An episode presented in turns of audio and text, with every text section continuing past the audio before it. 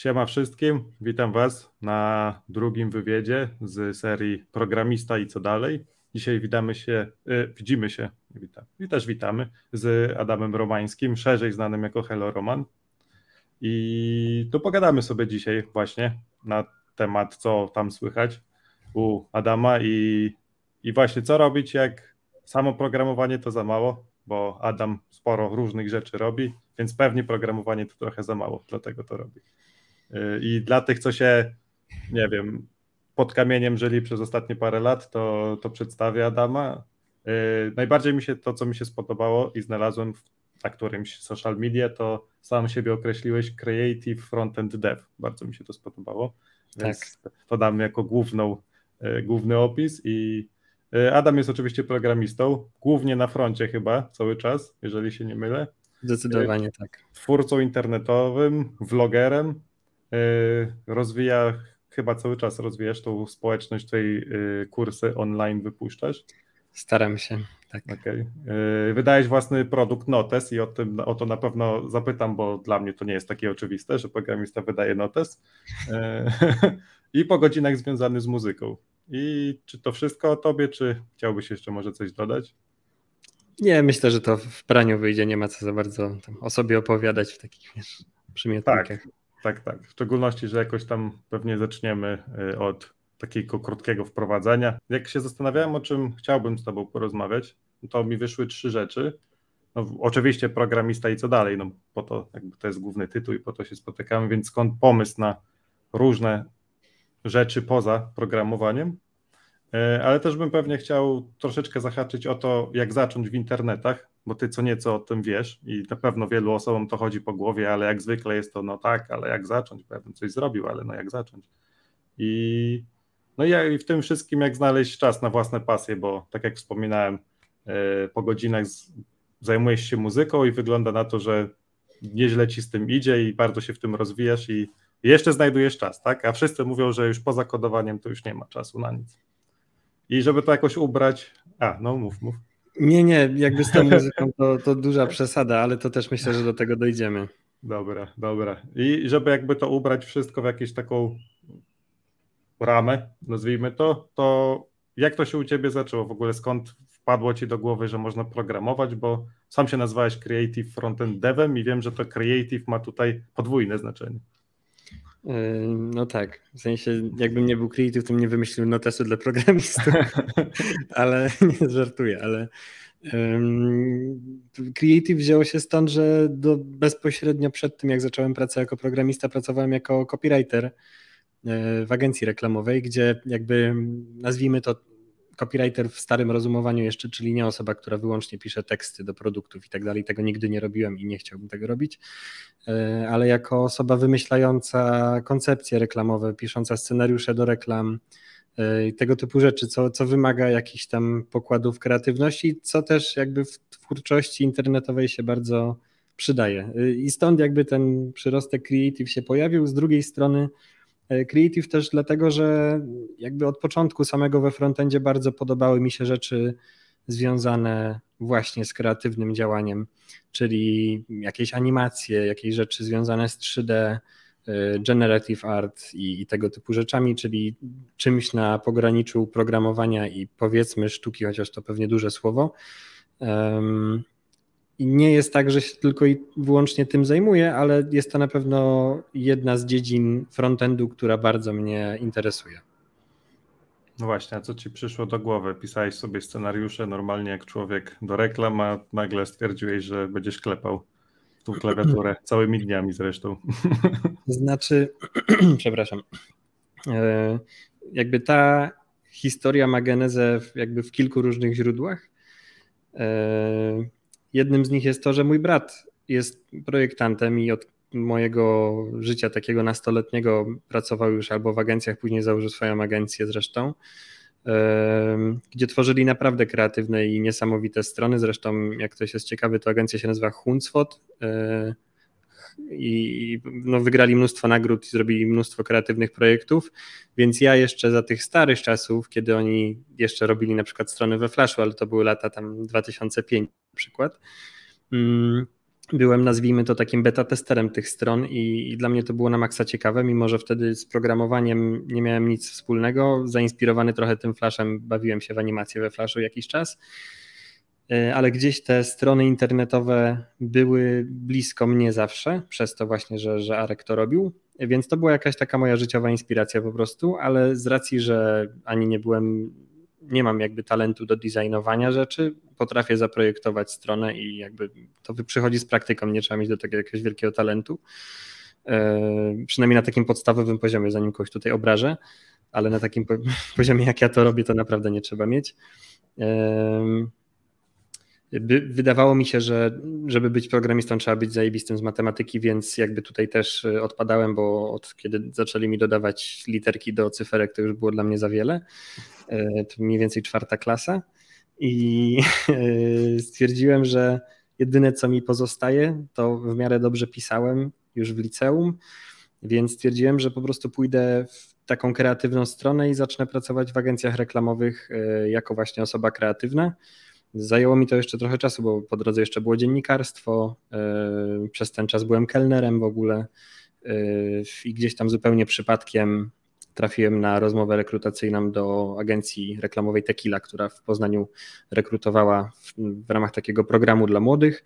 E, no i wygrałem ten staż tam i tak się zaczęła ta przygoda z, z kreatywnymi rzeczami. I teraz fast forward, bo nie będę tutaj opowiadał o byciu copywriterem przez 6 lat prawie. Wylądowałem na samym końcu w agencji reklamowej, która zajmowała się e, lekami głównie, w sensie to się nazywa pharma marketing mądrze.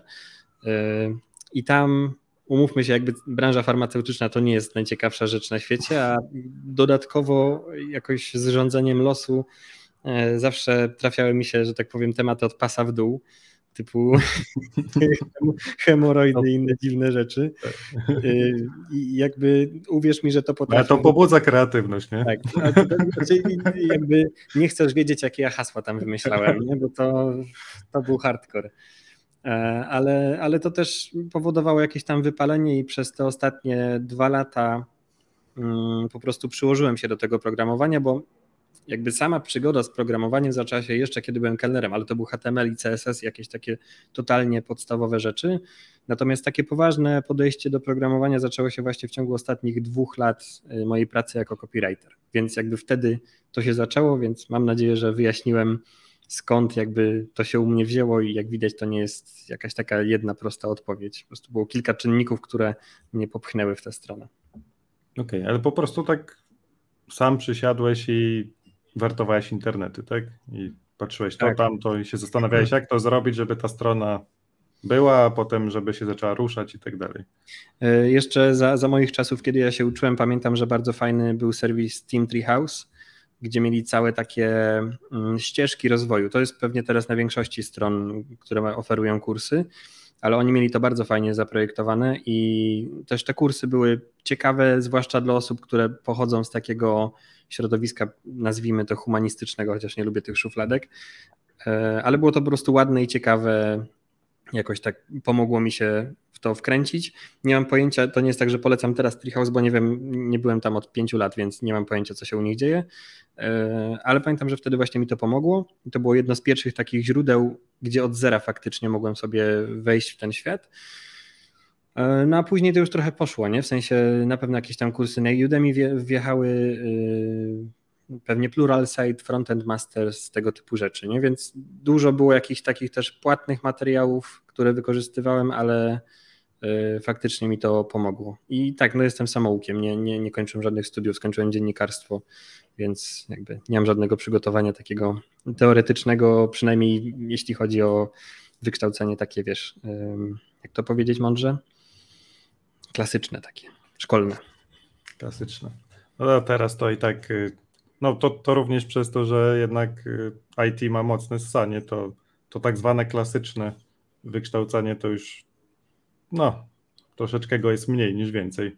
Chociaż ja, ja, ja nie mówię, że to jest coś złego czy dobrego, bo to wszystko jakby ma swoje wady i zalety, nie? Mm. Wiesz co, tak samo y, jest mnóstwo doskonałych dziennikarzy nie po dziennikarstwie, na przykład po Politechnice zakładam. Myślę, że tak samo dużo jest programistów, y, którzy nie są po Politechnice i po prostu spełniają się w tym zawodzie i są w tym dobrzy. Uważam, że generalnie uczelnie wyższe niekoniecznie uczą zawodu i tylko są po to, żeby nam trochę poszerzyć horyzonty. E, ludzi po moim dziennikarstwie, po moim roczniku nie widzę w zawodach za często. Nie? Jestem tego najlepszym przykładem, ale naprawdę to nie jest tak, że ludzie kończący dziennikarstwo zazwyczaj koń, kończą w mediach. Nie? Więc myślę, że mhm. jest, jest tu jakaś analogia, którą można zauważyć. Właśnie może pokusilibyśmy się o taki off-topic mały. Jak myślisz, jakby dlaczego tak jest? Nie? Bo ja mam na przykład swoją teorię, bo dużo uczelni, w każdej uczelni masz praktycznie socjologię, psychologię, dziennikarstwo, kulturoznawstwo, no dużo I, i to nie jest to, że ja wybieram te, bo jakoś specjalnie chcę je napiętnować albo wywyższyć, tylko po prostu coś tam wymieniłem mhm. i a tak naprawdę tak dużo specjalistów nie potrzebujemy, nie? A na przykład potrzebujemy bardzo dużo, nie wiem, stolarzy, spawaczy i takich innych rzeczy i tego nikt nie uczy, tak? No bo, no bo niby po co i jakby mm. masz to, to jest jakieś, nie wiem, takie pójście na, na, na skróty, czy po prostu nawet już nikomu się nie chce nad tym myśleć i tak, a całe życie uczyłem, to uczmy dalej. Yy, ciężko mi się do tego odnieść, wiesz co, wydaje mi się, że z jednej strony w naszej kulturze yy, bycie rzemieślnikiem przynajmniej w niektórych kręgach jest powodem do obciachu, czyli tak jak mój ślusarz, stolarz i tak dalej, mimo że te zawody zwłaszcza stolarze, to teraz mają chyba jakiś renesans, bo naprawdę chciałbym zarabiać tyle co stolarze. No ja ostatnio remontowałem mieszkanie, to tak. Znasz cenę, jest grubo. Tak deweloperzy to mogą im, wiesz, tam płytki w łazience kłaść po godzinach. Dokładnie. Ale... Yy, tak, że z jednej strony była jakaś taka dziwna kultura właśnie tego, że każdy musi iść na studia wyższe, więc faktycznie jest yy, nadmiar yy, kulturoznawców, politologów, dziennikarzy i tak dalej.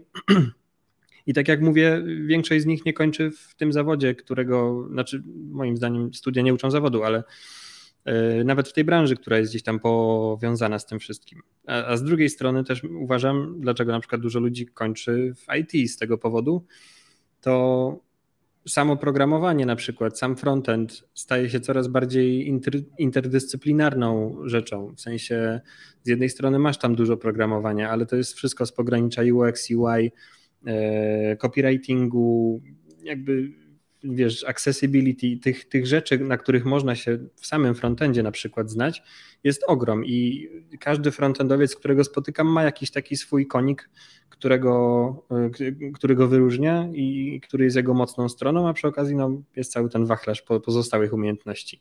Ale nie ma już takiej osoby, która zna się absolutnie na wszystkim, bo tego jest po prostu za dużo. To jest trochę tak jak wiem, w XIX wieku miałeś lekarzy, a teraz masz onkologa, ortopedę, y, wiesz, i laryngologa i tak dalej, bo po prostu ta wiedza staje się coraz szersza i ciężko to pomieścić w jednej głowie, nie? No tak, no to już ten jakby pas z narzędziami się mocno rozszerza, nie? Tak samo jak wcześniej był słoik z PF-kami, który większość rzeczy ci ogarnął. Tak. tak, samo, tak samo kiedyś po prostu się renderowało na backendzie jakiegoś HTML-a i też ci większość ogarnęło. No właśnie. A teraz już tak różowiutko nie jest. Dobra, ale... Co ciekawe, no. jeszcze taka mała dygresja, e, co ciekawe e, jest tak, że tych narzędzi i umiejętności, które trzeba posiąść, jest coraz więcej z biegiem czasu, ale paradoksalnie zauważ, że strony internetowe i cała sieć generalnie się mocno zunifikowała w porównaniu do na przykład rzeczy sprzed dekady albo 15 lat. Nie pamiętasz strony we Flashu na pewno, bo jesteśmy w podobnym wieku z tego co widzę tylko jeszcze masz włosy. No to wiesz jeszcze chwilę tylko. Ale, ale wtedy jakby w necie to był dziki zachód, nie? I jakby coś takiego jak UX w ogóle to no nie było mowy o tym, nie? W sensie te strony były tak pokręcone i dziwne, że tam chodziło chyba bardziej o to, kto zrobi bardziej porąbaną stronę, nie? E, a teraz te strony, jak wchodzisz na, nie wiem, Zalando, czy Asosa, czy jakieś inne rzeczy właśnie z ciuchami, to praktycznie każdy e-commerce wygląda dokładnie tak samo, no bo użytkownik chce widzieć mniej więcej te same rzeczy w tych samych miejscach, bo jest przyzwyczajony do tego, nie? Więc ta kreatywność tutaj trochę ustąpiła y, wygodzie i właśnie dostępności też na przykład, nie? Nie, to, to, akurat, to akurat lepiej moim zdaniem, bo, bo tak jak mówisz, był dziki zachód w którymś momencie taki, że no i to się po prostu traci klientów najnormalniej w świecie, no bo gdzieś wchodzisz i nawet, o, jakaś fajna nowa strona, wchodzisz i, a nie, to kupię na Allegro, nie, bo tu Tak, zdecydowanie. za, za hardkorowo. Okej, okay, dobra, to jakby troszkę wracając, to tam właśnie, to jest tak, że programowałeś, programowałeś i nagle wymyśliłeś, dobra, to teraz będę robił vlogę? Czy hmm. robiłeś vloga, żeby swoją naukę jakby pokazywać, czy jak to było? Bo są różne jakby podejścia do tematu. Nie, u mnie to było tak, że juniorem zostałem w listopadzie 2017 roku. Przepraszam, mam suche gardło. I po paru miesiącach e, vloga założyłem na początku maja, e, czyli to było ile? No 7 miesięcy. Mm, po 7 miesiącach pracy w NetGuru po prostu poczułem, że fajnie by było opowiedzieć z perspektywy właśnie osoby bardzo mało doświadczonej, jak wyglądała ta droga przebranżowienia, na co ja zwracałem uwagę i dlaczego udało mi się to zrobić, tym bardziej, że yy, uważałem, że, że jakby NetGuru jest firmą, do której wiele osób aspiruje yy, i która jest jakimś takim sukcesem dla osoby zaczynającej w tej branży, więc byłem z tego zadowolony i chciałem się tym podzielić jakby na co ja zwracałem uwagę, żeby, żeby faktycznie się tam dostać, bo, bo też miałem coś takiego, że wysłałem tylko jedno CV, e, jakby z mojej agencji reklamowej, w której byłem, wysłałem jedno CV, w sensie w tym czasie wysłałem jedno CV tylko do NetGuru, bo tylko tam chciałem pracować. E, no i się dostałem, więc e, to był jakiś taki fart, zresztą ja mam zawsze taki fart, że wysyłam tylko jedną cv bo do Hodgera było dokładnie tak samo. Głupi ma szczęście, jak to mówią. No i jakby to było jakimś takim powodem, dla którego chciałem to założyć, że z jednej strony pracowałem tam naprawdę z inspirującymi, fajnymi ludźmi, którzy się znali na, na tym, co robią, a z drugiej strony e, chciałem opowiedzieć o tej drodze, e, którą ja przeszedłem i którą przechodziłem jakby nadal w trakcie, bo też pewnie część ludzi zauważyła, że ten content trochę dojrzewał raz, razem ze mną i też z widownią, nie?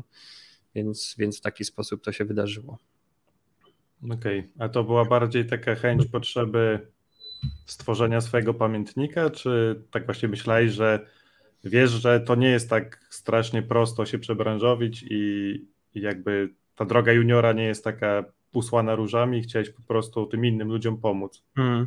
Nie, zdecydowanie to nie był pamiętnik, to była właśnie bardziej e, był jakiś taki, jest nadal, to jest taki zbiór przemyśleń moich, wiesz, e, na zasadzie Pamiętam te moje pierwsze odcinki, to było coś na zasadzie, czego boją się juniorzy, albo jak przebić ten mur, na który się jakby ludzie napotykają w czasie nauki programowania, bo większość z nich tego niestety doświadcza. Mm, więc to były takie rzeczy, które jeszcze wtedy na świeżo pamiętałem jako osoba początkująca i chciałem opisać to jakby z mojego punktu widzenia i jak ja sobie z tym poradziłem. Więc to nie był pamiętnik, to był bardziej jakiś rodzaj takiego, może nawet nazwijmy to dziennikarstwa, jakiegoś takiego felietonu programistycznego. Nie wiem, czy można, to jest jakiś fikołek językowy, ale niech tak okay. będzie. Okej. Okay. Bo e, ja tak szczerze mówiąc, to tak nie pamiętam, jakby czy to od samego początku tak było, ale już tak w późniejszym okresie to tak mam wrażenie, że lubiłeś też trochę wtykać kij w mrowisko takie programistyczne i właśnie to była taka no, ja, jak jakby, jeżeli dobrze Cię wyczuwam, to wydaje mi się, że to nie chodziło o samo wtykanie kija i patrzenie, jak świat płonie, tylko właśnie właśnie też jakaś taka chęć, żeby tym juniorom pomóc, żeby im pokazać, że dobra, w tym internecie jest pełno kupy i ludzie będą wam mówić różne dziwne rzeczy, ale wy im nie wierzcie, bo, no bo życie nie takie złe całkiem. Na pewno ludzie mogą kojarzyć moje jakieś wypowiedzi na temat bootcampów. E, I tutaj od razu disclaimer, ja nie uważam, że bootcampy są złe. Mm, nie uważam też, że są dobre, bo nigdy na żadnym bootcampie nie byłem i nie wiem do końca. Po prostu y, pamiętam, że to, co mówiłem o bootcampach, to to, że one sprzedają marzenia, nie umiejętności. Y, zakładam, że niektóre sprzedają umiejętności, ale jest dużo takich, które po prostu bazują na, na takim, moim zdaniem, tanim marketingu. I, I to były jakieś takie wypowiedzi, które były swego czasu kontrowersyjne. Nadal uważam, że jeśli dla kogoś taka czy inna forma nauki działa, to mi naprawdę nic do tego. Jeśli ktoś po bootcampie dostanie pracę, no to gratulacje i naprawdę jestem szczęśliwy. Ja nie jestem typowym Polakiem, który chce komuś dowalić i po prostu nie cieszę się z no. czyichś sukcesów. Raczej mam miejsca dla mnie na tym IT. Ja, ja, ja się cieszę, jak ludziom w życiu wychodzi, naprawdę im kibicuję, więc yy, nie oceniam, ale jeśli coś mnie irytuje, i widzę w tym jakiś taki, e, jakieś takie szarlataństwo, to, to po prostu chciałbym o tym powiedzieć. Więc tak, no to może było coś kontrowersyjnego. Czasami gdzieś tam pewnie krytykowałem sposób, w jaki właśnie kursy są tworzone już online, czy, czy pamiętam, że krytykowałem to, jak są robione tutoriale do, do, do rzeczy różnych w sieci. Na YouTubach na przykład masz, wiesz, pięć y, tutoriali o tym, jak skonfigurować parcela, gdzie każdy jeden odcinek opowiada o dokładnie tym samym podstawowym Y, jakby krok po kroku od konfiguracji, którą może znaleźć w dokumentacji, która zajmuje tyle nie, na stronie, więc to jest jakiś debilizm w ogóle, że trzeba to nagrywać. I bardzo mnie to wkurzało, że niektórzy twórcy internetowi są po prostu leniwi i chcą nabijać sobie wyświetlenia, robiąc absolutnie minimum, y, co nigdy nie było na przykład moim celem. Zawsze miałem takie podejście, że jeśli już idę z czymś do ludzi, to chciałbym się przyłożyć i, jakby zaoferować coś od siebie, coś więcej, nie?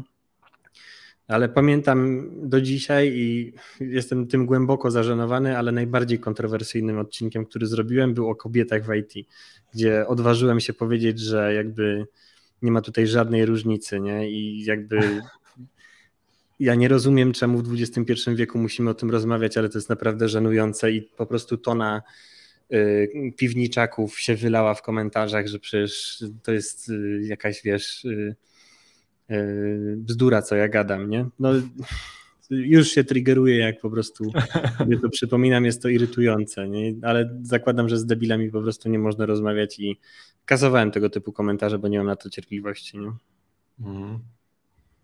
Tutaj Adam zadał pytanie, ale zanim jeszcze pozdrawiam Cię Adam, Adam to mój kolega i yy, to zanim to, to właśnie jak zacząć, nie? Bo no właśnie, właśnie, programista i co dalej. Nie, właśnie niektórzy ludzie mają jakąś taką potrzebę dzielenia się różnymi rzeczami, no i często jest tak, że na przykład w firmie nie ma za to za bardzo miejsca, bo po coś, albo nie wiem, nie czują, że akurat wchodzenie na konferencję i tam występowanie to jest może troszeczkę za dużo, no bo to tam jednak trzeba trochę już takiej większej odwagi, bo co innego na żywo zawsze. Eee, właśnie jak zacząć w tym i w tych internetach? Czy trzeba kupić wszystko, czy musisz, wiesz, od razu od razu po kanona sięgać z najwyższej półki i wy, wygnać swoje dziecko z pokoju i powiedzieć, że od dzisiaj tu jest studio. Nie, w ogóle paradoksalnie na YouTubie dużo ważniejszy jest e, dźwięk niż obraz. E, I jakby jedyną rzeczą, którą kupiłem na samym początku był mikrofon krawatowy za 100 zł. E, cała reszta przyszła dużo później, ale do tego jak się przygotować, ja myślę, że po pierwsze w ogóle to należy się przygotować na porażkę, bo Yy, ja na przykład miałem takie podejście, to znaczy ja miałem dwie myśli w głowie. Jedna była taka, że prawdopodobnie mi się na pewno nie uda. Prawdopodobnie na pewno. Prawdopodobnie mi się nie uda, bo jest po prostu dużo ludzi, którzy robią takie rzeczy i konkurencja jest naprawdę spora, tym bardziej jest mnóstwo materiałów z zachodu. Z drugiej strony miałem myśl, że chcę zrobić najlepszy kanał frontendowy w Polsce. I jakby od razu disclaimer, nie uważam, że mam najlepszy kanał w Polsce, tylko miałem taki ambitny cel, po to, żeby wymusić na sobie to, żebym się starał, żebym dawał z siebie wszystko i żebym po prostu e, robił ten krok dalej niż ci wszyscy, co robią tutoriale na podstawie dokumentacji step by step, jakby tej pierwszej, naj, najprostszej, bo, bo po prostu to nikomu nie jest potrzebne. I takie było moje podejście, więc jak tworzyłem jakiś e, odcinek, to po pierwsze chciałem właśnie, żeby był dobrze przygotowany, żeby był ciekawy, żeby był w jakiś sposób przemyślany i oczywiście z biegiem czasu uczyłem się też mm, jakby produkcji takiej wideo, która nie, nie uważam, że robię to jakoś fenomenalnie. E, na, podstawy, na podstawowy poziom, jaki reprezentuję na YouTubie, myślę, że spełnia to swoją rolę i w tym formacie to się po prostu e, dobrze ogląda, ale co, co jakby ludzie mówią, mm, bo ja nie oglądam swoich odcinków, to by było dziwne. Ale, ale tak, ale ludziom się to podoba.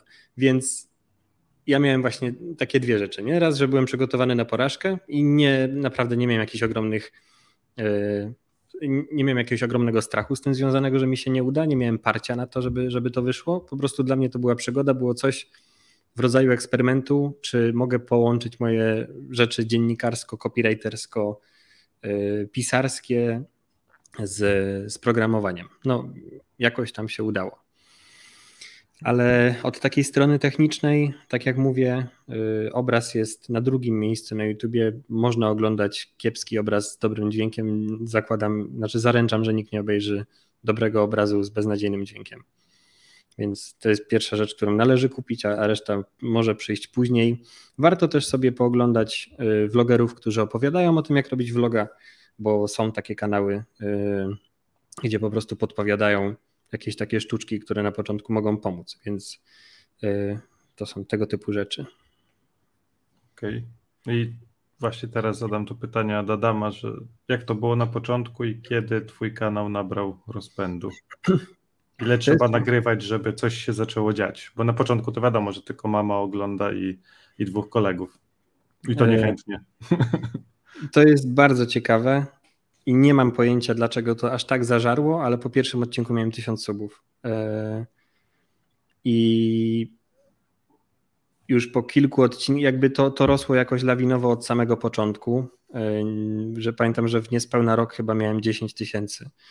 Nie mam pojęcia, dlaczego, jakby co ludzie dostrzegli w tym, że aż tak to docenili, ale, e, ale faktycznie to zażarło u mnie od samego początku i do dzisiaj nie jestem w stanie tego wyjaśnić. Więc jakby no, u mnie miałem to szczęście, że nie musiałem nagrywać dla, dla rodziców i, i wiesz, dla znajomych, tylko od razu faktycznie jakoś społeczność to e, doceniła i zaczęła to oglądać i subować. Okej, okay. no to ciekawe, bo właśnie większość, y, tak jak mówiłeś, żeby oglądać ludzi, którzy mówią jak robić vloga, to większość z nich mówi, że właśnie wiesz, pierwsze 100 odcinków to musisz nagrać tak po prostu i na początku jak będziesz miał 100 wyświetleń, to już jest świetnie. Mm. A, a, tu wiesz, może, może nawet nie wiedziałeś o tym, a w nocy wstawałeś i kupowałeś na przykład reklamy na Facebooku. Nie, właśnie to, to, jest druga, to jest druga rzecz, którą chciałem powiedzieć, że ja nigdy nie kupiłem żadnych reklam promujących y, YouTube'a. Kupowałem, pamiętam, y, reklamy na Facebooku, jak na przykład promowałem swój kurs albo coś takiego, ale sam kanał nie był promowany. E, pamiętam, że wrzucałem te pierwsze odcinki, które nagrywałem, że wrzucałem na te grupy na fejsie, typu tam pierwsze kroki i tak dalej. Mam wrażenie, że wstrzeliłem się w bardzo dobry moment, kiedy Maciek Aniserowicz i Samuraj e, byli już takimi kanałami, to, to były już kanały, które były dobrze znane w Polsce i być może ludzie potrzebowali trochę czegoś nowego, jakiejś nowej twarzy.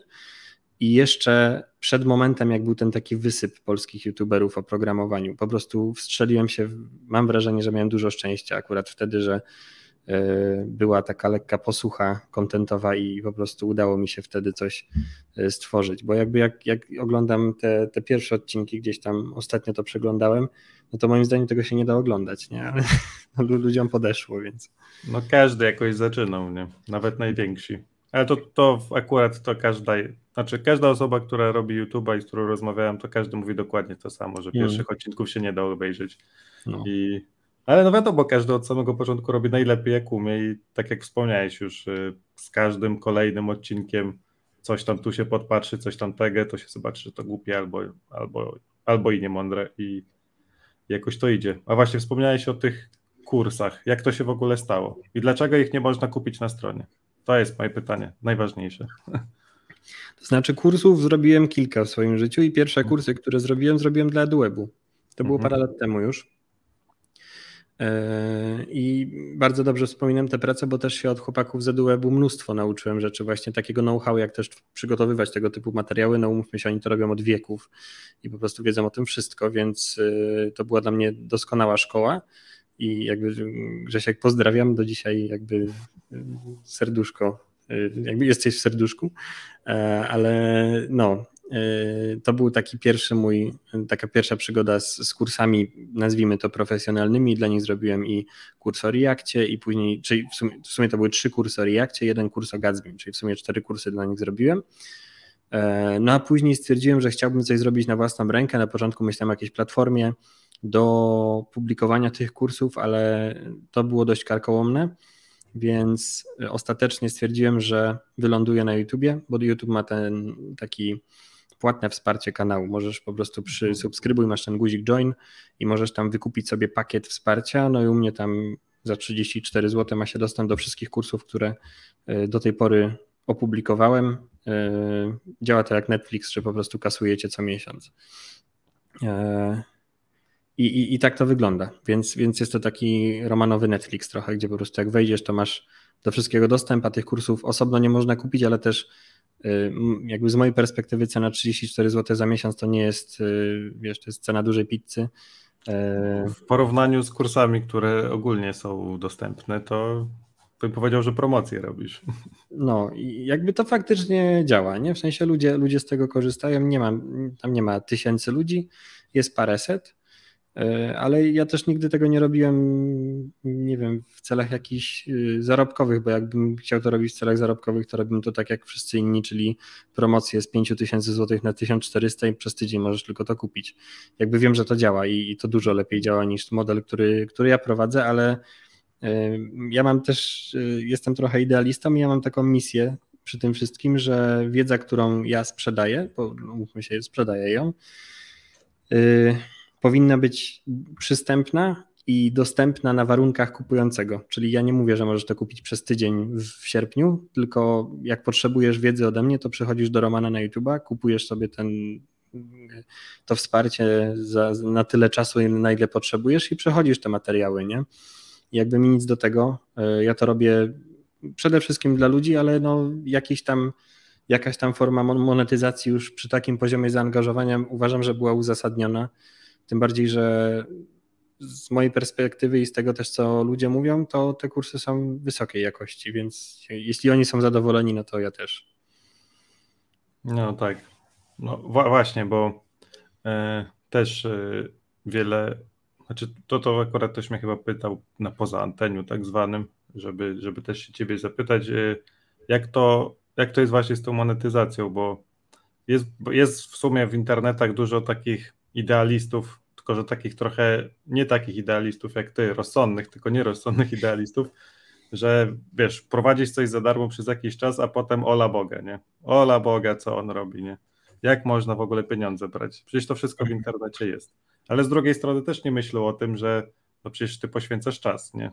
I też można się żywić ideałami, że ja teraz nauczę wszystkich wszystkiego i będę, nie wiem, się zażynał, żeby to zrobić i nic z tego nie będę miał, ale to jest takie podejście, chyba się zgodzisz, no takie o. To znaczy ja gdzieś tam od samego początku starałem się przyzwyczajać ludzi do tego, że jest ogromna część rzeczy, które robię za darmo Yy, teraz nie, bo przez długi czas już nie publikowałem, ale w tych pierwszych latach yy, kanału, no to jakby gro mojej działalności to, to faktycznie była rzecz, to były rzeczy, które robiłem za darmo. Wszystkie odcinki, wszystkie tutoriale, yy, to wszystko było po prostu ogólnodostępne, ale też na bardzo wczesnym etapie zacząłem robić rzeczy, które monetyzowały ten kanał w jakiś sposób. Może nie przez pierwszy rok, ale już drugiego, trzeciego roku zacząłem, wiesz, promować na przykład wtedy robiłem współpracę z NetGuru, jeszcze z, wtedy moim pracodawcą bywały odcinki, gdzie, gdzie po prostu opowiadałem o tym, jak wygląda praca w takim software house'ie. To zawsze były też odcinki, gdzie nie było jakiejś takiej bardzo chamskiej e, promocji i też nigdy, to, to był mój taki warunek, że nikt nigdy mi się w scenariusz nie wtrąca, ja tylko daję temat i oni mi ufali, że ja to zrobię w taki sposób, żeby to było spoczko. E, robiłem właśnie kursy na EduWebie i tak dalej, więc jakby byłem świadom tego, że w Polsce jest bardzo duży problem z ludźmi, którzy chcą zarabiać pieniądze i po prostu są traktowani jak złodzieje, co jest dla mnie jakimś absurdem. E, dlatego od samego początku starałem się robić coś, co przynajmniej minimalnie dostarczało mi jakiegoś tam zarobku, bo wtedy ludzie nie mieliby tego argumentu, nie? że przez trzy lata robiłem coś za darmo i nagle, nie wiem, włączyłem reklamy na, na YouTubie, nie? nagle. Mhm, Tutaj już widzę w komentarzach, jak bumerang zaczyna wracać pytanie. E, to może połączę dwa pytania w jedno. E, co się u ciebie działo przez pół roku, kiedy cię nie było i czy będzie dziś drugi odcinek z cyklu twojego 14-dniowego wyzwania? E, będzie. Generalnie to jest tak, że te odcinki wychodzą z tygodniowym opóźnieniem, więc to, co wyjdzie dzisiaj, nagrałem we wtorek tydzień temu, bo, bo po prostu chciałem mieć zapas żeby nie nakładać na siebie takiej presji, że muszę coś dzisiaj nagrać i dzisiaj wrzucić. Dla ludzi, którzy nie wiedzą, bo zakładam, że Maciej po prostu oglądał wczorajszy odcinek, ale przez ostatnie pół roku nie publikowałem absolutnie nic, y, co wynikało z takiej blokady wewnętrznej i od, tygod- od 8 dni już y, nagrywam codziennie, po prostu wyjmuję kamerę i gadam do kamery bez żadnego przygotowania, więc to nie są żadne odcinki o programowaniu, nic takiego, bardziej jest to faktycznie taki pamiętnik, y, gdzie pokazuję moją codzienną walkę z tym, żeby cokolwiek nagrać, żeby się odblokować, żeby się na nowo poczuć w miarę swobodnie, gadając do obiektywu. Y, póki co idzie y, różnie, w sensie jakość tych odcinków pozostawia wiele do życzenia, ale założyłem sobie, że ja tam nic nie filtruję, po prostu to wrzucam tak jak nagrywam. Oczywiście z jakimś tam podstawowym montażem, ale sam nie oceniam tego, co robię. Czyli nie mówię, o kurde, ale głupio powiedziałem, nie, nie, nie wrzucę tego dzisiaj. Tylko po prostu tak jak leci, nawet jak mam zły dzień, mam, nie wiem, migrenę albo jestem śpiący, to, to po prostu to wrzucam. Także to jest jedna odpowiedź. Tak będzie dzisiaj, odcinek będzie jutro i będzie przez kolejne 14 dni. Także y, powodzenia w oglądaniu moich y, wyżygów intelektualnych przez kolejne dwa tygodnie. Współczuję. A druga rzecz, y, co się działo, to generalnie rozwiodłem się i, i, po prostu przez to miałem taką totalną blokadę i uważam, że jest to zdrowa rzecz. Nie jest to też żadna tajemnica i nie zamierzam opowiadać o jakimś tam życiu osobistym w detalach, ale ludzie robią takie rzeczy. I jest to wydarzenie, które y, jest stresujące. I po prostu nie miałem ochoty. Chciałem się schować i nie pokazywać się ludziom, nie dzielić się sobą w żaden sposób, tylko się tak skupić na sobie, na spokojnie i, i gdzieś tam poukładać sobie, nie? Więc y, stąd moja nieobecność. Y, przez kilka miesięcy jeszcze próbowałem coś nagrywać i dopiero właśnie w lutym sobie odpuściłem na zasadzie dobra stary, daj sobie spokój, jak wrócisz to wrócisz, jak nie wrócisz to, to po prostu nic się też nie stanie, świat się nie zawali. E, I dopiero kiedy sobie na to pozwoliłem, to faktycznie to pół roku było potrzebne do tego, żeby się zregenerować, żeby też poczuć się na nowo, jakby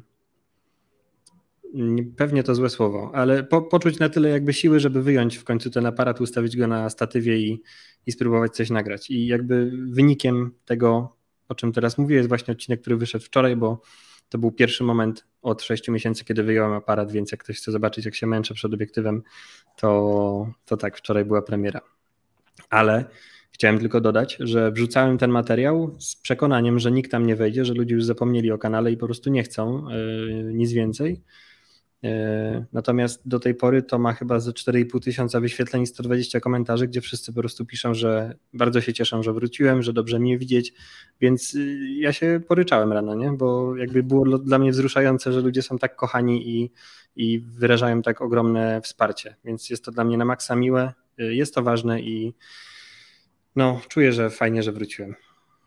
Pewnie, fajnie, wszyscy się cieszymy, ale to też pokazuje, że takie robienie vloga to nie jest jak jazda na rowerze, nie? Znaczy nie. w pewnym sensie jest, bo prawdopodobnie coś, co jakby już gdzieś tam miałeś ten fundament, to on gdzieś tam zostaje, ale ta płynność i ta cała reszta gdzieś znika w międzyczasie. Jak się coś długo nie robi, to. Jakby tworzenie vloga dla mnie przynajmniej jest bardzo energochłonną rzeczą. Ja muszę dużo energii włożyć takiej wewnętrznej w to, żeby, żeby się wypowiedzieć przed obiektywem i coś tam, i żeby to jeszcze miało sens, nie? Z drugiej strony też miałem dzisiaj ciekawe przemyślenie, bo ktoś tam napisał coś na zasadzie dobrze widzieć, że też jesteś człowiekiem i jak umam o co chodzi w takim kontekście, że ja też, to, ja też się na tym łapię, że oglądając twórców internetowych bardzo często mam takie wyobrażenie, że to są zajebiście zmotywowani e, ludzie, którzy są super zorganizowani i po prostu, wiesz, wrzucają te odcinki jak maszyny, nie? Tymczasem większość ludzi tak nie ma i jest to po prostu jakieś takie złudzenie, które, które obserwujemy i ja tak mam, patrząc na innych twórców, ludzie z tego, co piszą, mają tak patrząc na mnie, gdzie ja po prostu jestem przeciwieństwem osoby zorganizowanej. I uważam, że może być to całkiem ciekawy eksperyment, gdzie ja pokazuję, że tak naprawdę jakby zmagam się z tymi samymi problemami, które mają inni, że ja nie mam żadnej ogromnej motywacji ani organizacji w życiu, po prostu yy, mam taki sam bałagan jak każdy inny i też się z tym zmagam nie? i próbuję gdzieś tam to przezwyciężyć. Mhm. No czaję, czaję. No tak, to, to tak jest, że e, to ja jakby jak zacząłem rozmawiać właśnie z takimi ludźmi, nazwijmy to po drugiej stronie ekranu, e, to też właśnie musiałem się takiego przeświadczenia wyzbyć. Tak na początku nawet się stresowałem, że o, to tacy są przecież poważni ludzie, a to się, no to są, to jakby ludzie są tacy sami. Do tej pory niektórzy mnie pytają w ogóle, jak, jak to jest, że ty w ogóle możesz tak usiąść i pogadać z tymi ludźmi i tak, e, no, okazuje się, że to są normalni ludzie, nie? No, zdecydowanie. Y, Tak, ja też miałem kilka takich okazji w życiu, gdzie poznałem osoby, które uważam za sławne i to w bardzo różnych okolicznościach i zawsze ten obraz y, jest totalnie zniekształcony i w momencie spotkania następuje taka weryfikacja tego obrazu, zazwyczaj na jakby bardzo pozytywna weryfikacja, na zasadzie, że wiesz, masz wrażenie, że gadasz z gwiazdą, a to jest totalnie normalna i fajna osoba, nie? Hmm. No dokładnie tak jest. Wła właśnie, musimy koniecznie porozmawiać o tym notesie, bo bym sobie nie darował, jakbym o to nie zapytał. W ogóle skąd taki pomysł, nie? Bo znaczy, jak produkt już istnieje, to ja już rozumiem, po co on jest, nie? Ale jakby jak to się w głowie ułożyło, że tak, programistom potrzebny jest notes, nie? Lecimy.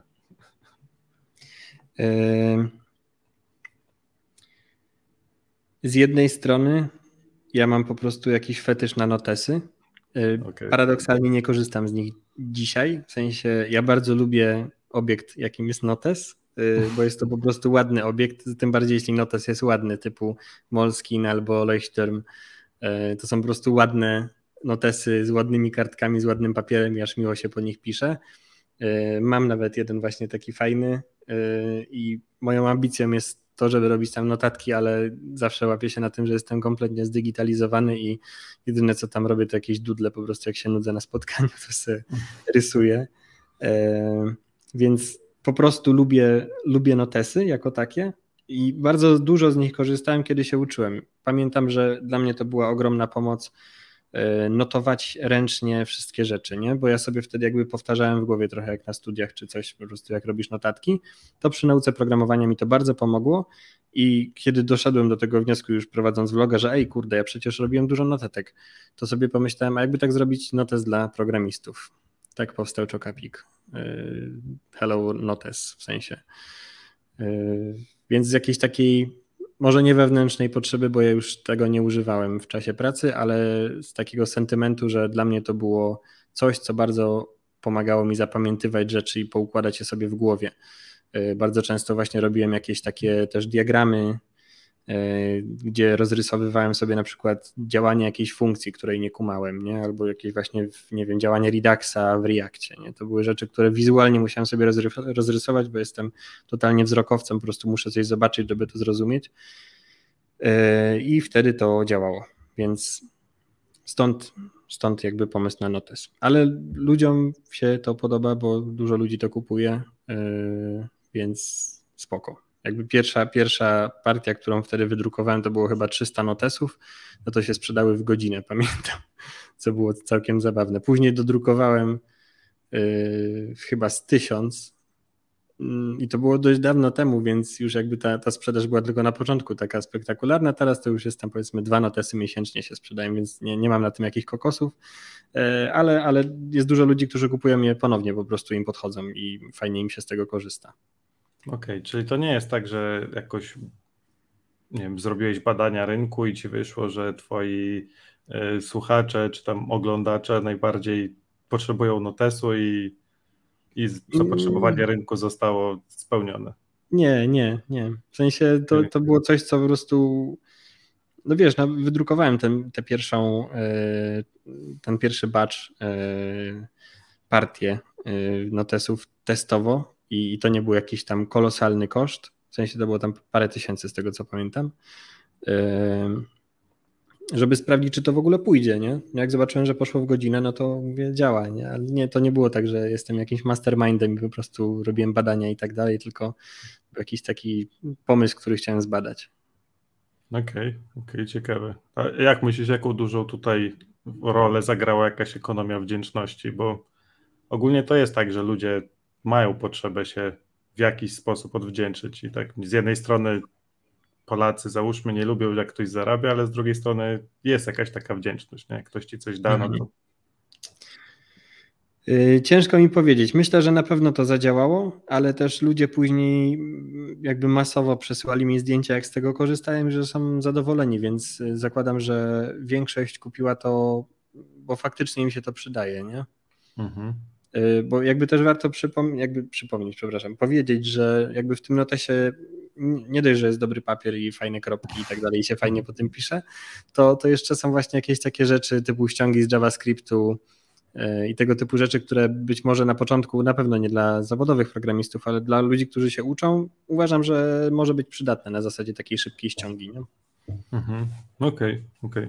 A jak e, u ciebie wygląda sprawa z delegowaniem? No bo jest vlog, no cały czas pracujesz jakby przy klawiaturze, są notesy, są kursy, no jakoś to trzeba wszystko ogarnąć, nie? To wszystko sam ogarniasz, czy nie, jakby... nauczyłeś się tej wspaniałej umiejętności delegowania, której ja nie posiadłem jeszcze i nie wiem, kiedy posiądę.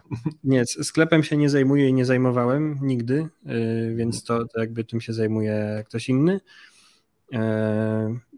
Czasami ktoś tam prosi o autograf, no to podjadę i, i, machnę coś tam od siebie, ale, ale nie, obsługa sklepu to jest coś, czego bym nie ogarnął po prostu w codzienności, w której się znajduję, bo gdzie tu właśnie, tak jak mówisz, jeszcze jakieś odcinki czy, czy praca, e, więc to jest e, coś, co jest poza mną, ale wszystko inne robię ja. Jakby to jest tylko jedyna rzecz w życiu, którą deleguję, jakby w, w związku z, z Hello Roman.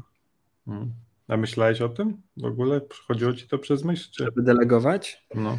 Y, przez pewien czas miałem pomysł na przykład, żeby zatrudnić copywritera do tego, żeby pisał newslettery, na zasadzie, że ja przygotowuję listę tematów i robię to w taki bardzo brudny sposób, a copywriter to opracowuje tak, żeby to wysłać, ale ostatecznie żaden taki newsletter nie powstał i z racji, że jestem byłem copywriterem, to miałem chyba trochę za dobre wyobrażenie, jak to powinno być napisane, że po prostu nikt inny tego nie był w stanie. Istnieje szansa, że do Twoich standardów by to nie dotarło. Y, nie, też nie jakoś. Nie, Ale to nie, to, to ja jakby wiesz, nie śmieję się, tylko mam po prostu na myśli, że wiesz, dużo rzeczy, jeżeli już umiemy robić, no to potem naprawdę ciężko jest tak, jakby wiesz, a to, a to, a to powinno być tak, a to powinno być tak, a potem sobie myślisz, a to Szybciej sam zrobię. Tak, wiesz co, ja mam dość specyficzny styl wypowiedzi i na vlogu i też specyficzny styl pisania tych, tych newsletterów w czasie, kiedy jeszcze je pisałem, bo też mam przerwę dłuższą. E, parę miesięcy temu miałem jakiś taki zryw, że wysłałem dwa czy trzy i ludziom się bardzo podobało, ale też to było jeszcze w czasie, kiedy ta blokada była dość mocna, więc gdzieś tam to zaniechałem tego. E, ale mam na tyle jakby określony styl pisania tego, że po prostu raczej nikt inny nie byłby w stanie tego napisać. Nie? Na, w taki sposób, żeby, żebym ja był zadowolony i też, żeby ludzie wiedzieli, że to ja piszę, nie? Jakby poznaliby się, że to ktoś inny pisał, więc stwierdziłem, że to głupi pomysł po prostu. Więc e, póki co nie, nie wysyłam. Ale, ale tak, to była jedyna taka próba też gdzieś tam delegacji tego. Jakby stary, ja też nie deleguję, bo nie robię nic od 6 miesięcy, nie? Y, teraz y, wracam, więc mam nadzieję, że, że jakby ten ruch się zacznie na nowo y, i że będę miał jakąś taką potrzebę w ogóle delegacji, nie? Tylko nawet nie wiem czego, bo jakby wszystko robię sami też lubię robić sam, nie? W sensie lubię nagrywać, lubię montować bardzo, jakby przed kamerą nikt za, za mnie nie wystąpi, newslettera nikt za mnie nie napisze, więc jakby nie, nie mam tutaj zbyt dużego pola do delegacji, nie? Okej, okay, okej. Okay. No to, to, to ciekawe spostrzeżenie, bo właśnie jednak większość osób stwierdza po pewnym czasie i przy pewnych, nazwijmy to, zasięgach, że, no, że czas z gumy nie jest, nie? I czy może ty masz jakieś tajemnice produktywności, którymi chcesz się teraz tutaj podzielić z nami? Nie, tak, jak, tak jak mówiłem, raczej jestem przeciwieństwem produktywności i naprawdę lubię się obijać, z czym, z czym od jakiegoś czasu gdzieś tam walczę, ale Y, u mnie to zazwyczaj jest tak, że produktywność jest generowana przez jakąś tam zajawkę, nie? więc dla mnie na przykład to wyzwanie teraz dwutygodniowe z nagrywaniem ma spowodować, że ja się nie zmuszam do tego, że muszę nagrać film, tylko ja po prostu nie mogę się doczekać, żeby go nagrać. Nie? Na, tym, na tym powinno to polegać i to generuje u mnie produktywność. Więc yy, nie, nie mam żadnych sekretów tutaj. Po prostu jak lubię coś robić, to chcę to robić. Okej, okay, czyli też, też rada dla początkujących vlogerów nic na siłę. No, zdecydowanie. To jakby kiedy czuje robisz... przypływ emocji, to wtedy. No, jak robisz coś na siłę, to, to znaczy inaczej. Y, dobrze, żebyś robił to większość czasu z, z jakimś tam entuzjazmem i jeśli chcesz, żeby utrzymać to momentum, to wiadomo, że czasami się musisz zmusić. Nie? Pamiętam, że jak ja na przykład miałem coś takiego, że chciałem nagrywać co tydzień, no to wiadomo, że czasami się zdarzył dzień, gdzie na przykład bolał mnie łeb, nie? ale no, nagrywałem mimo wszystko. Yy, ale jakby 9 na 10 odcinków po prostu sprawiało mi radość, więc no jest to jakiś taki miks, nie? że czasami gdzieś tam trzeba się przy, przy, przydusić po prostu i przymusić. No ale to tak samo można chyba łatwo porównać z programowaniem, a w szczególności w początkach programowania, no bo można by powiedzieć, że dobra, to się ucz, kiedy akurat czujesz, że coś fajnego robisz, ale no czasami po prostu trzeba usiąść i no nie wiem, jakoś się złapać za ten kark i przytrzymać przy tej klawiaturze, no bo inaczej jak się nauczysz, albo jak cokolwiek zrobisz, nie? Tak, zwłaszcza myślę w momentach, kiedy czujemy, że nie kumamy czegoś, to ja tak przynajmniej miałem, zresztą mam do dzisiaj często, że jeśli czegoś nie rozumiem, coś sprawia mi jakąś wyjątkową trudność, to jakoś łatwiej mi od tego kompa odejść, po prostu unikam e, tej konfrontacji z problemem, którego nie potrafię ogarnąć. I po jakimś czasie zmuszania się do tego nagle odkrywam, że jakby rozłożenie tego na jakieś takie czynniki pierwsze pozwala mi podejść do tego z jakiejś drugiej strony i po prostu to rozwiązać. I w nauce jest tak samo, myślę, że często są rzeczy, których po prostu nie kumamy ucząc się programowania.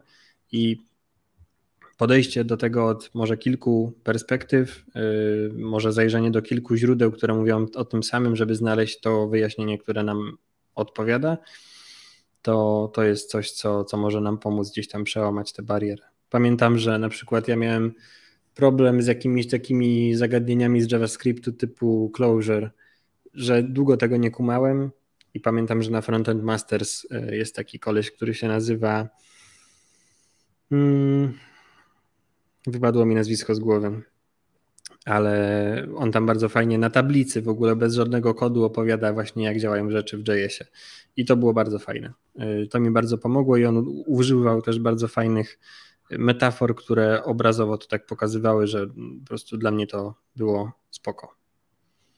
No ale to, to w sumie robi wrażenie, że ktoś jest w stanie bez kodu tłumaczyć o co chodzi tak, w kodzie. Will, Will, Sentence się nazywał ten koleś, przypomniało okay, mi się.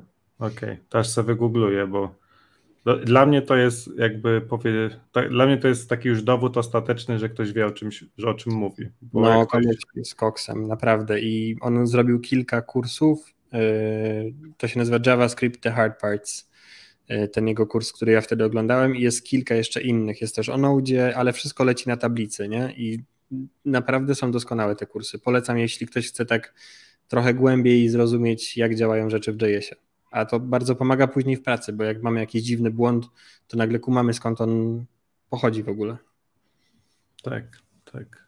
No tak. To, to tylko się mogę powtórzyć, że bez kitu, jak ktoś tak tłumaczy, to naprawdę to rozumiem, bo czasami jak właśnie, no chociażby na YouTubie, ale bo czasami się zdarzają kursy, że ktoś ma potrzebę użycia każdego trudnego słowa, jakie w IT jesteś w stanie wymyśleć, to ja już mam takie podejrzenie, że coś tu jest nie tak. Bo, bo czemu ty no. tego prosto nie wytłumaczysz? Przecież to jest tak, no w którymś momencie musimy się zgodzić, że w którymś momencie to się staje proste. Tylko no tak, to się musi w mózgu ułożyć.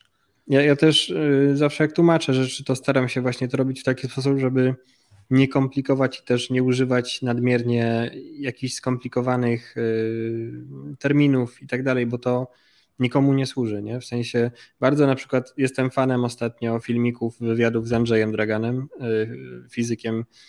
To jest, to jest mistrz.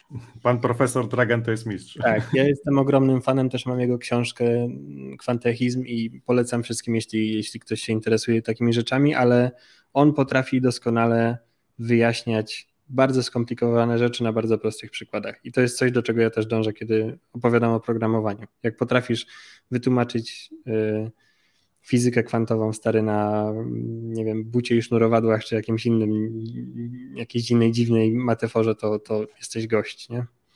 Tak, to jest prawda. No właśnie chciałem powiedzieć, że jak on tłumaczy fizykę kwantową, to w czym jest wytłumaczenie programowania? To jest nic, nie? No, no. W szczególności, że no, nie wiem, tu tylko taka malutka dygresja, czy wiecie, czy nie wiecie, fizyka kwantowa jest po prostu całkiem kontrlogiczna i to naprawdę trzeba się zmurzyć, żeby to wytłumaczyć komuś.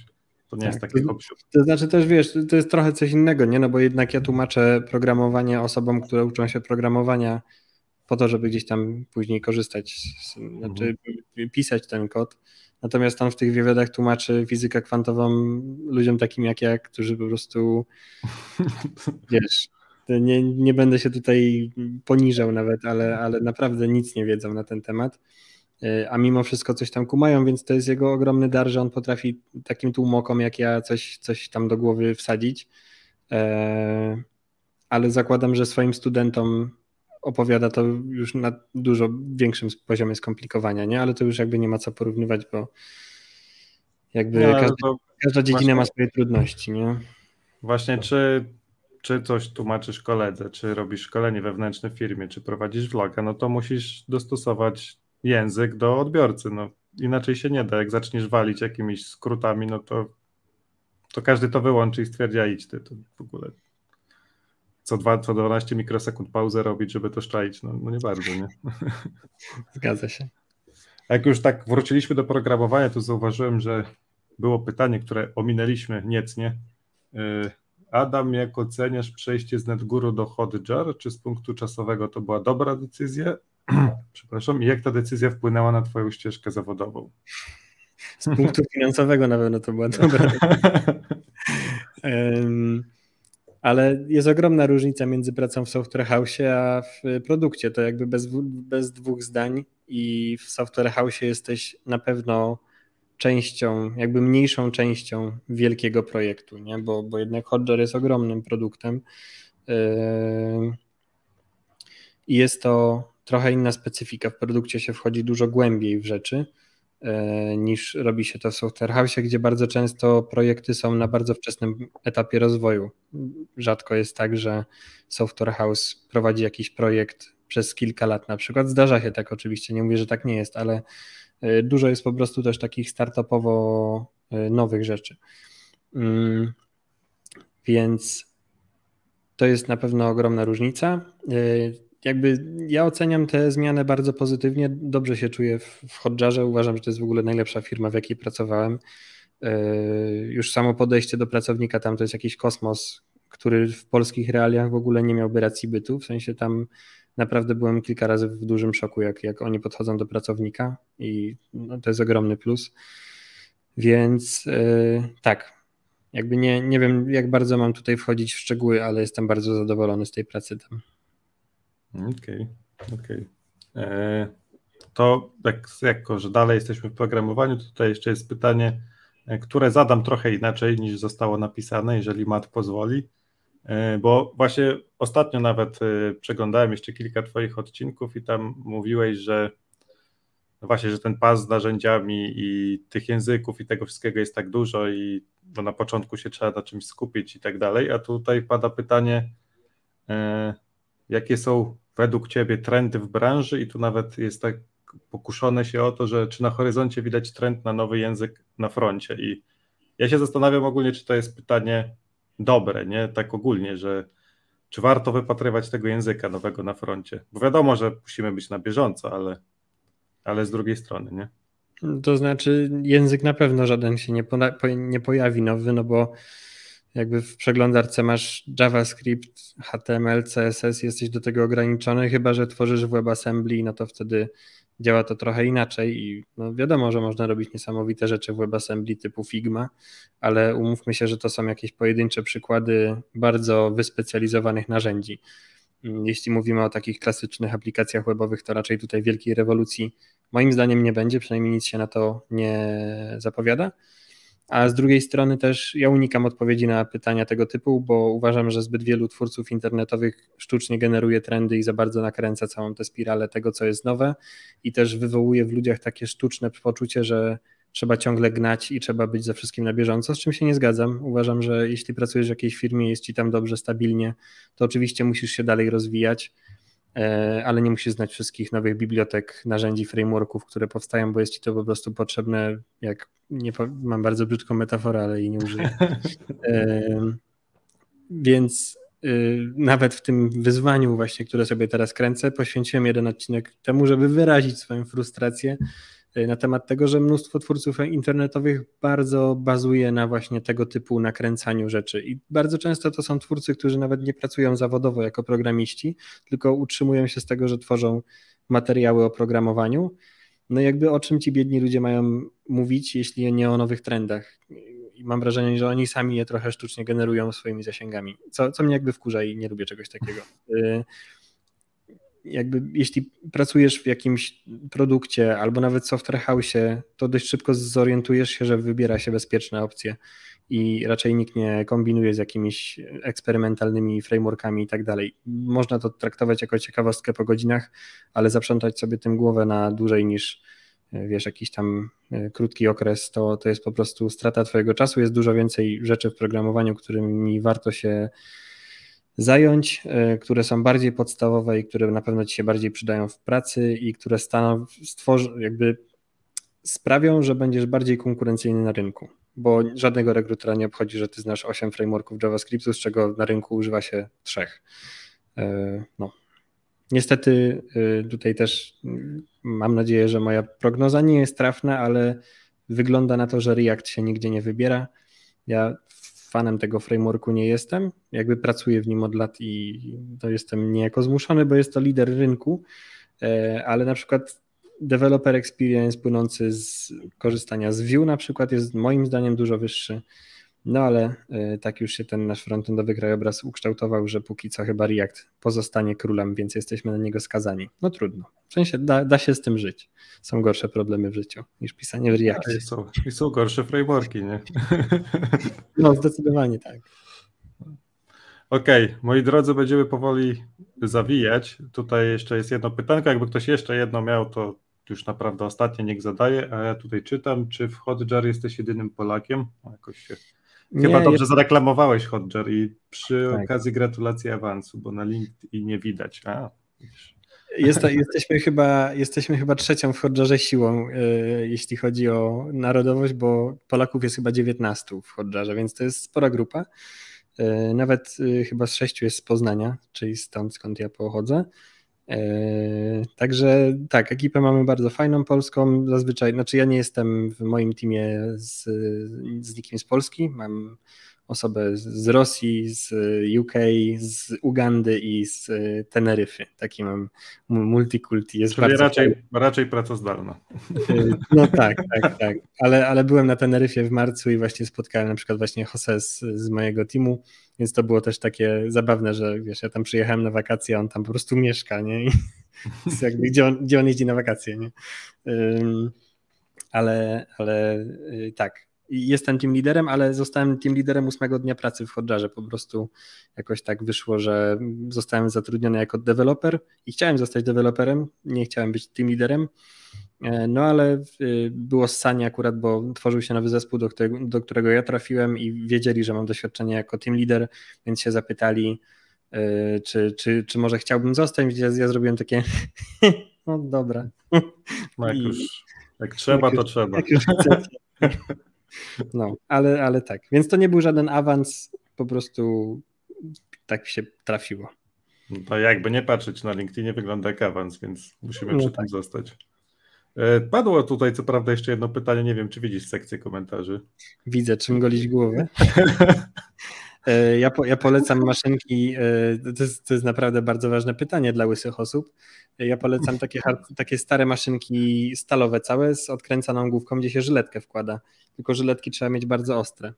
Takie są japońskie, Feder, Feder się nazywają i wtedy nie robią zacięć i są na pewno lepsze niż te gówniane jednorazówki plastikowe, więc polecam.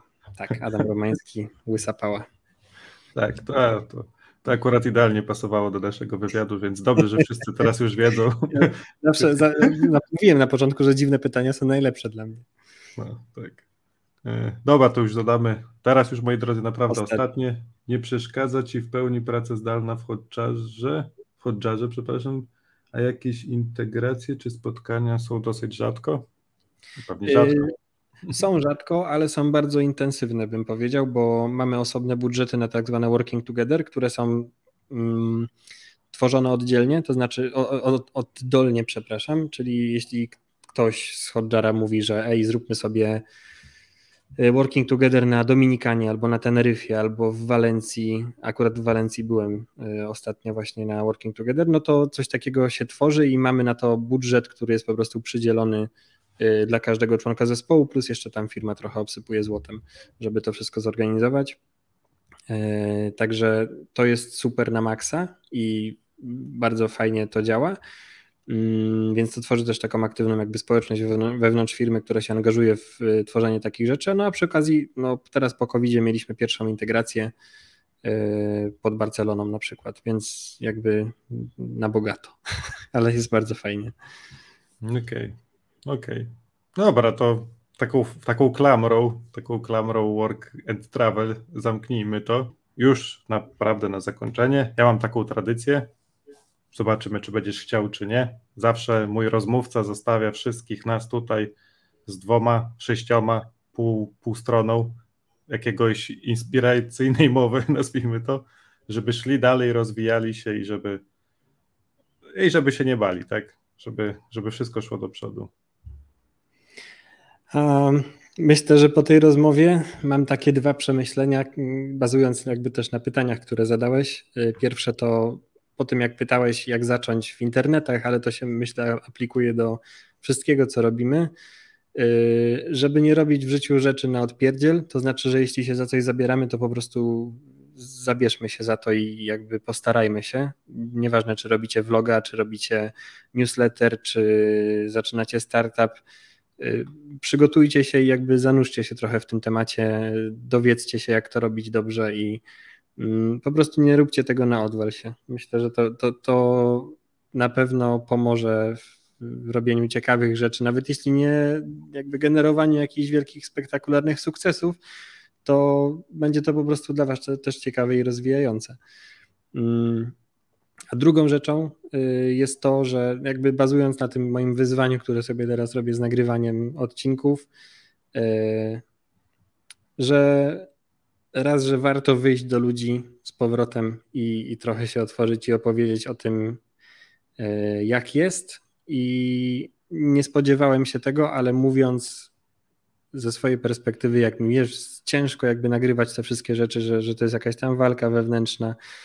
E, nie zakładajmy, że zostaniemy skrytykowani i odrzuceni albo zignorowani, tylko po prostu możemy się miło zaskoczyć, tak jak ja dzisiaj rano się miło zaskoczyłem i, bardzo za to dziękuję. Nie spodziewałem się tego, że moje jakieś uzewnętrznienie, takie narzekanie trochę nawet, że, że nie jest to najłatwiejsze, spotka się z niczym innym jak wsparciem, bo nikt nie zostawił nawet jakiegoś złośliwego komentarza. Ktoś tam napisał, że przytyłem, no ale jakby jest to faktycznie, yy, jakby nie, żartuję, ja się nie obrażam, nie w sensie ja naprawdę przytyłem 10 kilo, jakby, ale to się wszystko da zrzucić, także spoko. Dajcie mi czas. No, ale, ale jest mi bardzo miło. Więc myślę, że to są takie dwie rzeczy, które, które gdzieś tam we mnie zostały po tej rozmowie. Okej. Okay. I tą pozytywną myślą i tym przesłaniem dla Was dziękuję Adam za rozmowę. Było super. Dziękuję wszystkim, że byliście z nami. I tak, trzymajcie się, miłego wieczoru i do zobaczenia, do usłyszenia. Hej. Wielkie dzięki. Na razie.